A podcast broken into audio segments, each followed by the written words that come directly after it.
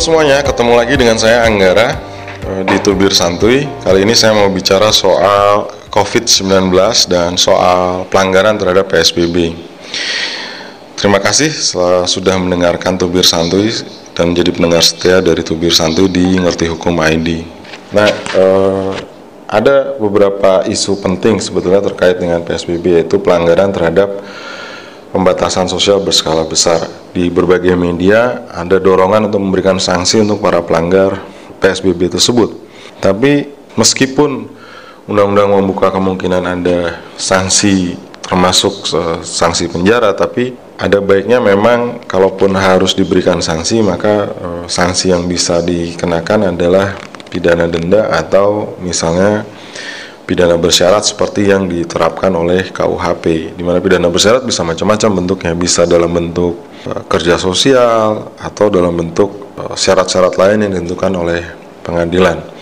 Kenapa? Kita jangan lupa bahwa rutan dan lapas kita sudah dalam situasi overcrowded karena itu memasukkan para pelanggar PSBB ini ke penjara tidak akan membantu menyelesaikan persoalan overcrowded di, di rutan dan lapas karena kemungkinan terkena atau terinfeksi oleh COVID-19 malah jadi jauh lebih besar. Karena itu mendahulukan bentuk-bentuk uh, hukuman non penjara itu harus uh, jadi prioritas bagi para penegak hukum.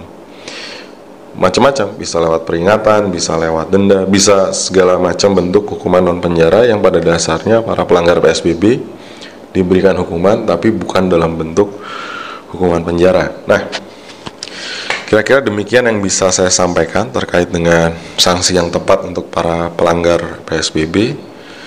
Jangan lupa untuk follow Ngerti Hukum ID di anchor.fm, juga media sosial yang lain di Facebook fanpage, LinkedIn, Twitter, Instagram, dan YouTube Ngerti Hukum ID dan join channel Telegram di Ngerti Hukum ID. Sampai ketemu lagi.